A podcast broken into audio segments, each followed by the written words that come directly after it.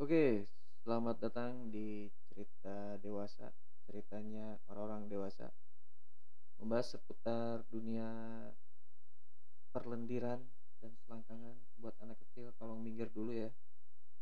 Nah, sesuai judulnya, di episode kali ini gue mau bahas yaitu adalah fetis. Apa sih fetis itu? Nah, ada yang mikir fetis itu salah atau enggak sih? Gitu. Sebelum masuk ke salah atau enggak, kita harus sepakat dulu nih, apa itu fetis? Fetis adalah dorongan yang membangkitkan hasrat seksual seseorang, tapi nggak umum dipunya atau dilakuin sama kebanyakan orang. Nih, contoh nih, misal lu fetis atau lu e, sange gitu kan lihat kaki or kaki cewek gitu kan kakinya doang atau lihat tangannya doang atau lihat jari jemarinya doang gitu. Nah, jadi biar gampang kita anggap fetis itu yang aneh-aneh gitu ya. Kayak contohnya nih sange sama seragam suster katanya. Sange sama borgol, sange sama situasi tertentu, sama jempol kaki yang tadi gue bilang, sama kumis.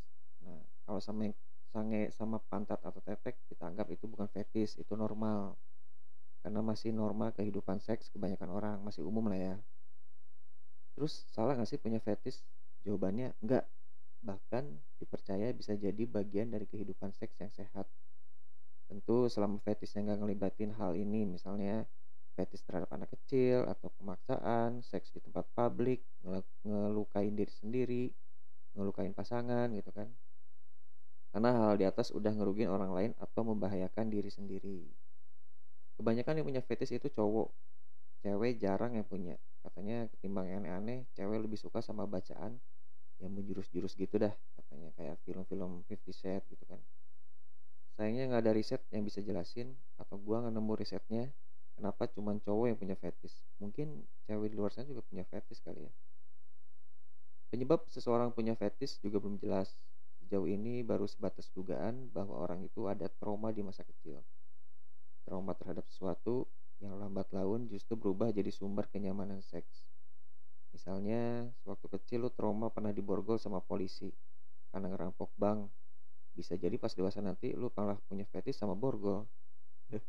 jadi pas lagi main karena kita punya trauma pada saat kecil, kita pengennya diborgol gitu kan, biar lebih sangenya biar lebih menjadi-jadi.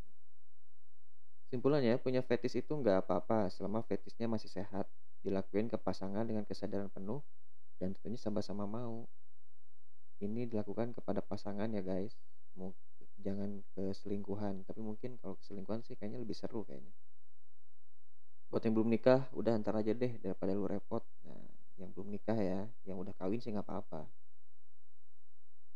Nah ini gue lagi nyari nih nyari foto fetis yang keluar malah lagi lagi dikeretekin katanya.